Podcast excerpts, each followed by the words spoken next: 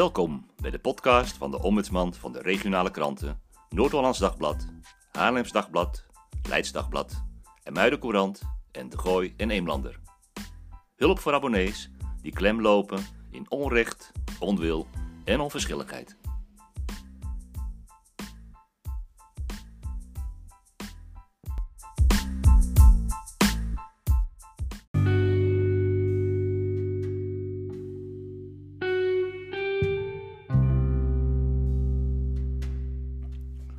Kregen een leuk hulpverzoek van Willy de Graaf uit Haarlem. Zij maakt een pelgrimstocht door Japan en bepaalt per dag haar route en overnachting die ze dan reserveert via booking.com. Hartstikke handig tegenwoordig. Op die manier boekt ze voor drie nachten een slaapplaats in het First Cabin Kyoto Arashima in Kyoto. Geen doorsnee-hotel, maar een soort futuristische capsules met een bed en tv en een schuifdeur ervoor. En met strenge regels. Niet praten, geen geluid maken, geen mobieltje gebruiken en uiteraard niet roken. De prijzen van de luxe slaapdozen zijn voor Japanse begrippen schappelijk, maar eigenlijk pakken ze toch nog wel duurder uit voor de graaf dan nodig.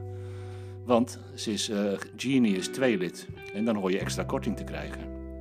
Maar daarentegen blijkt dat ze juist veel duurder uit is dan wanneer ze aan de balie van het hotel had gereserveerd. Wanneer mevrouw de Graaf zich daarover beklaagt, krijgt ze te horen dat ze te laat is met haar klacht. En als ze dan nog een aangetekende brief stuurt aan de directie van Booking.com, krijgt ze helemaal geen antwoord. Ze is behoorlijk geïrriteerd en vraagt wat wij er nog mee kunnen doen. Ze vraagt of wij Booking.com kunnen corrigeren. En uh, gelukkig lukt dat ook nog via het PR-bureau van Booking.com, die zich er tegenaan bemoeit. En na onze tussenkomst krijgt mevrouw de Graaf het prijsverschil terug. 10.029 yen, oftewel 83 euro en 10 cent, plus 25 euro voor haar tijdverlies door het geschil. Dat is dan alweer hartstikke netjes van Booking.com. In een Engelstalig mailtje van klantenservice krijgen ze nog excuses voor de gang van zaken. Booking.com stelt dat het hotel de prijzen kennelijk onjuist in het systeem heeft gezet. Daar kunnen ze zelf niks aan doen. En uh, ze geven haar ook aan dat uh, ze echt niet belazerd wordt, wat ze even had gevreesd. Niettemin uh, twijfelt mevrouw de Graaf aan de uitleg. Ze is het er niet helemaal mee eens, maar ze legt zich erbij neer. En in ieder geval heeft ze besloten om, als ze weer met Booking.com gaat, niet meer van tevoren af te rekenen, maar gewoon aan de hotelbalie haar overnachtingen af te rekenen.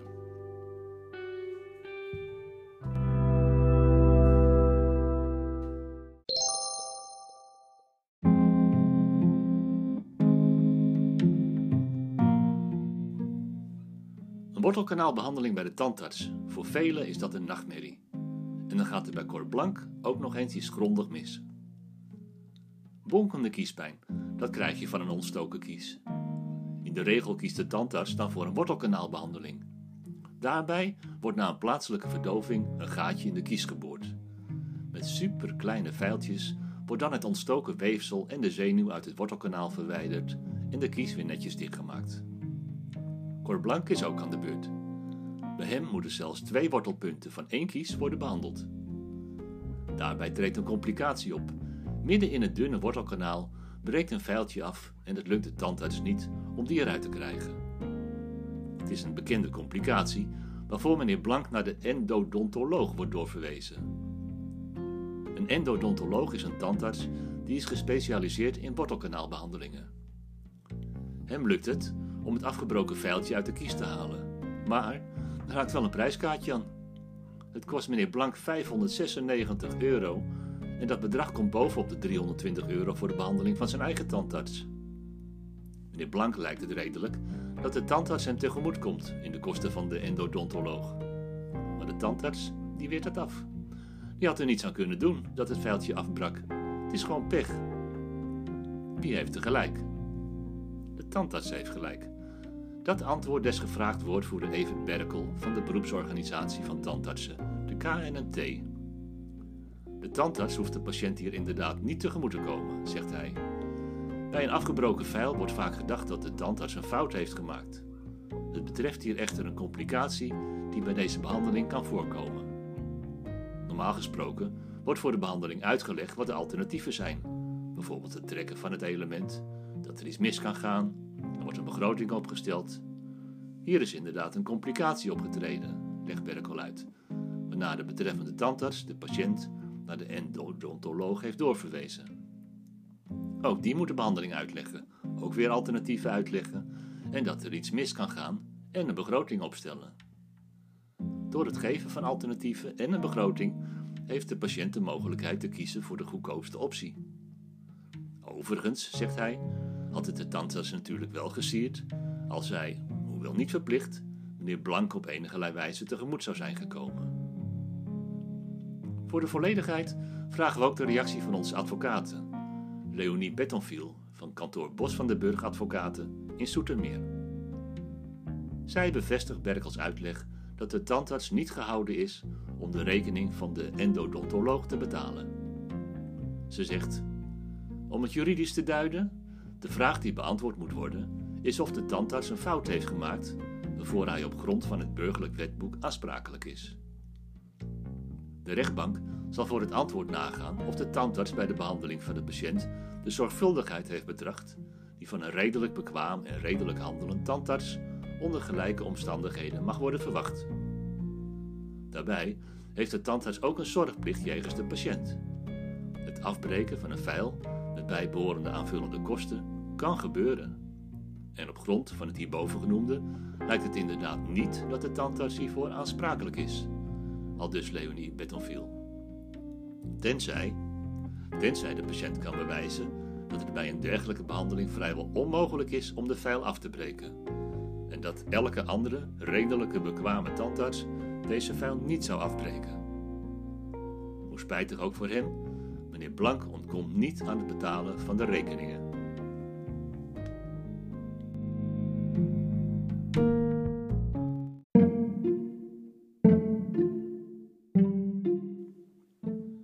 Regelmatig belichten we geschillen en rechtszaken waarvan je de uitkomst niet meteen verwacht.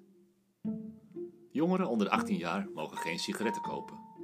Toch betrappen inspecteurs van de NVWA, de warenautoriteit, de verkoopster van een tabakzaak als ze zonder controle van zijn identiteitsbewijs een 16-jarige jongen een pakje Camel verkoopt. Verrassend dat de rechtbank later een streep haalt door de boete van 1360 euro die haar baas kreeg. Iedereen die tabak verkoopt, hoort te weten dat je om een identiteitsbewijs moet vragen als de koper niet onmiskenbaar 18 is. De boete bij overtreding van de tabaks- en rookwarenwet is fors. Inspecteurs van de Nederlandse Voedsel- en Warenautoriteit controleren steekproefsgewijs of verkopers zich aan de wet houden.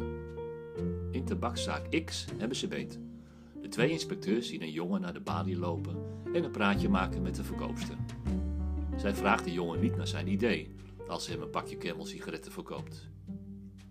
De inspecteurs vinden dat ze niet aan zijn kleding, lichaamsbouw, uiterlijk of gedrag kunnen afleiden dat de jongen onmiskenbaar 18 jaar of ouder is.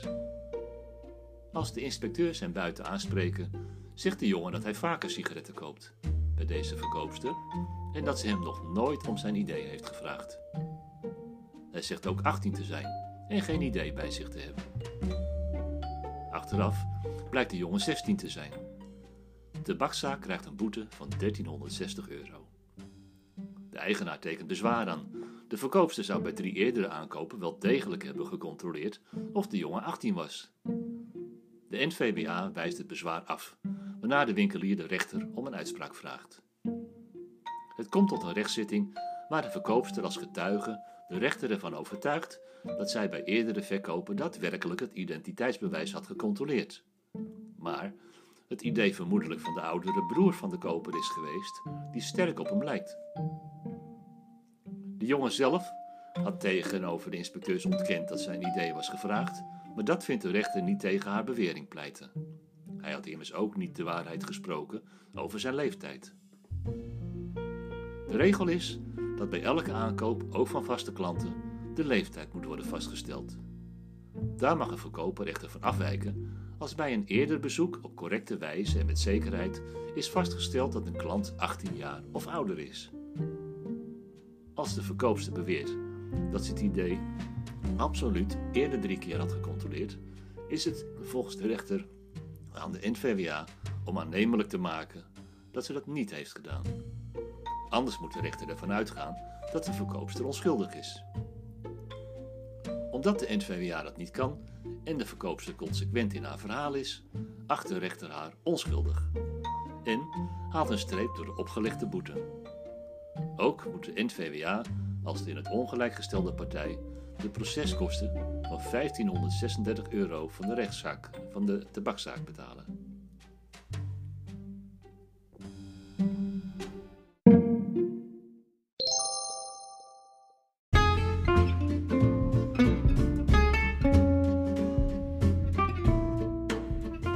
En natuurlijk het compliment van de week. Karen Does uit Heer Hugo Waard prijst een van de bedrijfsleiders van Lidl in winkelcentrum Middenwaard in Heer Hugo Waard. Ze had in de reclamefolder de zalm en de Franse kaas gezien, die ze graag wilde hebben.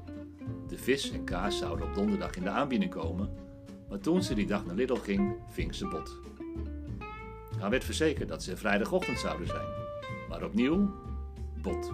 En op zaterdag alweer bot. Ik vertelde dat aan de bedrijfsleider, ik nu voor de derde keer voor niets kwam. Hij liep met me mee en zei dat de zalm er was, maar dat hij een andere verpakking had gekregen. Hij zei, zoekt u er maar eentje uit, dan krijgt u die van mij. Ik zei dat ik er eigenlijk twee wilde hebben. Dan krijgt u er twee van mij. Toen liep hij mee naar de Franse kaas, die inderdaad nog niet in het schap lag. Hij zei dat ik even moest wachten, ging een voorraad halen en, u raadt het al, ook de Franse kaas kreeg ik van hem. Geweldig! Groot compliment voor Lidl in Heer Hugo Waard voor de goede service.